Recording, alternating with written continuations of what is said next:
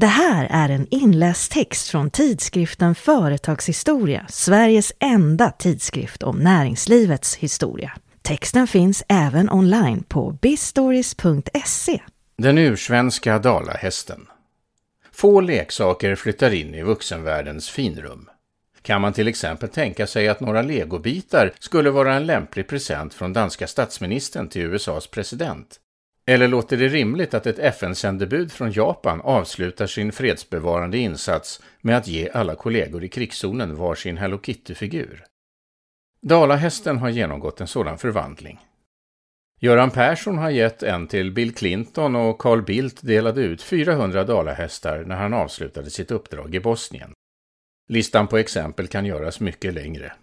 Men i början av 1900-talet var det fortfarande en omöjlig tanke. Svenska Akademins ordbok förklarade till exempel vid den tiden att en dalhäst är en i Dalarna tillverkad och i bjärta och onaturliga färger målad leksakshäst av trä. Dalahästen var med andra ord fortfarande bara en leksak för barn. Fast inte bara. Den hade som den hästen faktiskt är redan börjat resa både kors och tvärs genom landet. Fungerade som resevaluta.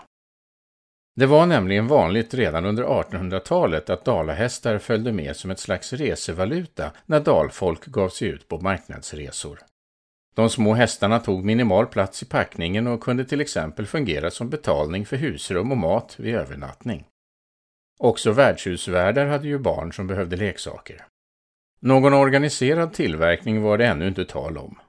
Men så hände något i byn Bergkarlås utanför Mora. Hans-Erik Mattsson öppnade 1886 en handelsbod i byn. En tidig dalahästgrossist hade därmed etablerat sig, vilket också stimulerade tillverkningen. Ett första tecken på detta syns i kassaböckerna 1889, då ett inköp av 50 dussin hästar finns registrerat.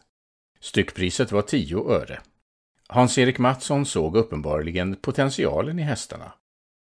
I en tid när självhushållning och bytesekonomi var det normala för vanligt folk kunde en handelsbod inte räkna med att folk hade pengar nog att betala kontant för allt de behövde i en handelsbod. Hans-Erik Mattsson lanserade därför idén att låta folk betala med trähästar. Handelsboden blev snart ett centrum för dalahästarna som inte bara användes som betalningsmedel. Boden blev också en förmedlingscentral mellan täljare och målare. Olika hantverkstraditioner. Att det var just byn Bergkarlås som blev ett centrum var knappast någon slump, men det innebär inte att dalahästarna nödvändigtvis härstammar härifrån. Den äldsta bevarade hästen från Dalarna kommer till exempel från Västra Fors, tio mil bort i Västerdalarna, och har daterats till mitten av 1500-talet. Nej, att Dalahästbyn skulle ligga utanför Mora hade snarare att göra med hantverkstradition. De olika byarna runt Mora hade utvecklat sina speciella hantverksuppdelningar. Måleriet var Leksands och Rättviks signum, Östnor hade hand om klockgjutning, medan Nusnäs och Bergkarlås var snickeribyar som bland annat gjorde fodralen till klockorna. Just klocktillverkning och trähästtillverkning verkar följas åt, med klocktillverkningen steget före i utveckling mot allt mer industrialiserad och organiserad tillverkning. Fortfarande var dock dalahästarna bara en biinkomst för allmogen, något att byta mot andra varor eller dryga ut sin inkomst med. Fast produktionen ökade. Hans-Erik Mattssons inventariebok visar att han vid årsskiftet 1904-1905 hade så mycket som 2736 hästar i sitt lager. Och på sina håll började skickliga hantverkare faktiskt kunna försörja sig på att tälja och måla hästar. En av dem var Vik-Olof Hansson som också sålde till järnhandlare Weisenburg i Mora.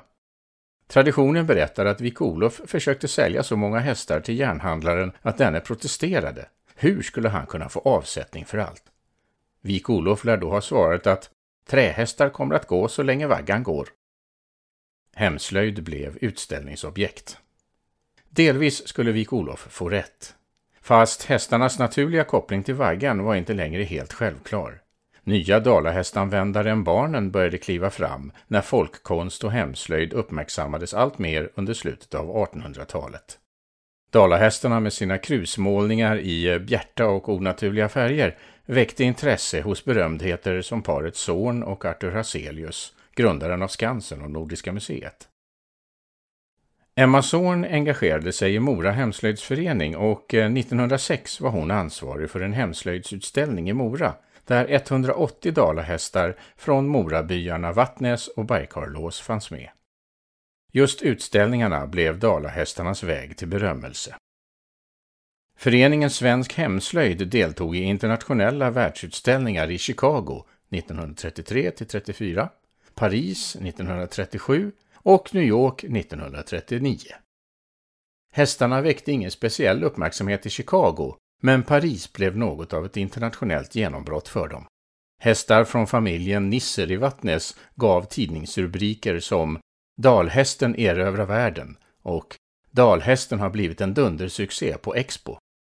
När turen kom till New York 1939 blev därför Dalahästen rent av frontfigur för den svenska paviljongen. Även om den tre meter höga hästen som prydde ingången tillverkades på en NK-ägd verkstad i Nyköping hade Mora Hemslöjd också ett finger med i spelet. De levererade omkring 15 000 hästar till utställningen och i detta arbete var familjen Nisser i Vattnes en central aktör. Även om en uppstickare från Nusnäs, Grannas Anders Olssons hemslöjd, också bidrog med 38 dussin hästar. Grannas Anders Olsson Utställningen innebar inte bara internationell uppmärksamhet för dalahästen. Försäljningen i Sverige tog också fart. I den här situationen drog uppstickaren från Nusnäs det längsta strået. Att Grannas Anders Olssons hemslöjd i Nusnäs bildades och fick dalahästinriktning var inte alldeles självklart. Anders Olsson kom från en fattig familj med nio syskon och eftersom han var äldst fick han tidigt bidra till försörjningen. Han provade sig fram som handelsresande, men det var när snickaren Brent Larsson Andersson i samma by behövde en kompanjon för att ro i land en stor snickeribeställning som Anders Olssons nya bana tog sin början. Beställningen handlade faktiskt inte om dalahästar utan om 2000 hjulburna trähästar av den typ som bröderna Ivarsson i Osby, Brio, hade tillverkat sedan början av 1900-talet. Med hjälp av dessa skånska hästar och andra hemslöjdsprodukter kunde Anders Olsson 1922 dra igång sitt eget företag och för att underlätta produktionen skaffade han tidigt en bandsåg, något som skulle visa sig vara nyckeln till framgång.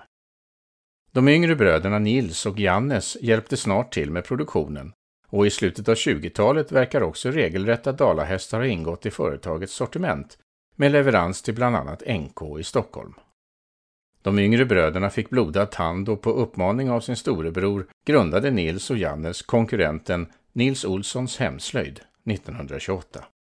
Likt sin storebror satsade också de på mekanisering och bandsåg för att underlätta tillverkningsprocessen.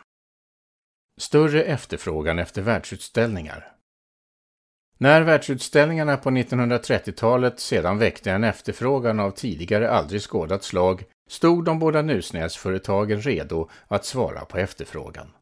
Tack vare sina bandsågar kunde de tillverka volymer som ingen konkurrent var i närheten av. Dalahästbyn framför andra var nu inte längre Bergkarlås och inte heller Vattnäs, utan Nusnäs. Och där tycks den förbli. Både Grannas Anders Olssons och Nils Olssons hemslöjd ligger tryggt kvar sida vid sida i byn och fortsätter att förse världen med hundratusentals hästar varje år. Och fortfarande sker tillverkningen i princip som på 20-talet, med bandsåg, täljkniv, pensel och färg. Den minst 500-åriga leksaken lever vidare. Visst betraktas den som Sverigesymbol och visst hamnar den ofta på spiselkransar och i vitrinskåp. Men precis som de ryska dockorna trivs dalahästen nog ändå bäst i händerna på ett lekande barn. Det här var en inläst text från tidskriften Företagshistoria, Sveriges enda tidskrift om näringslivets historia. Texten finns även online på bistories.se.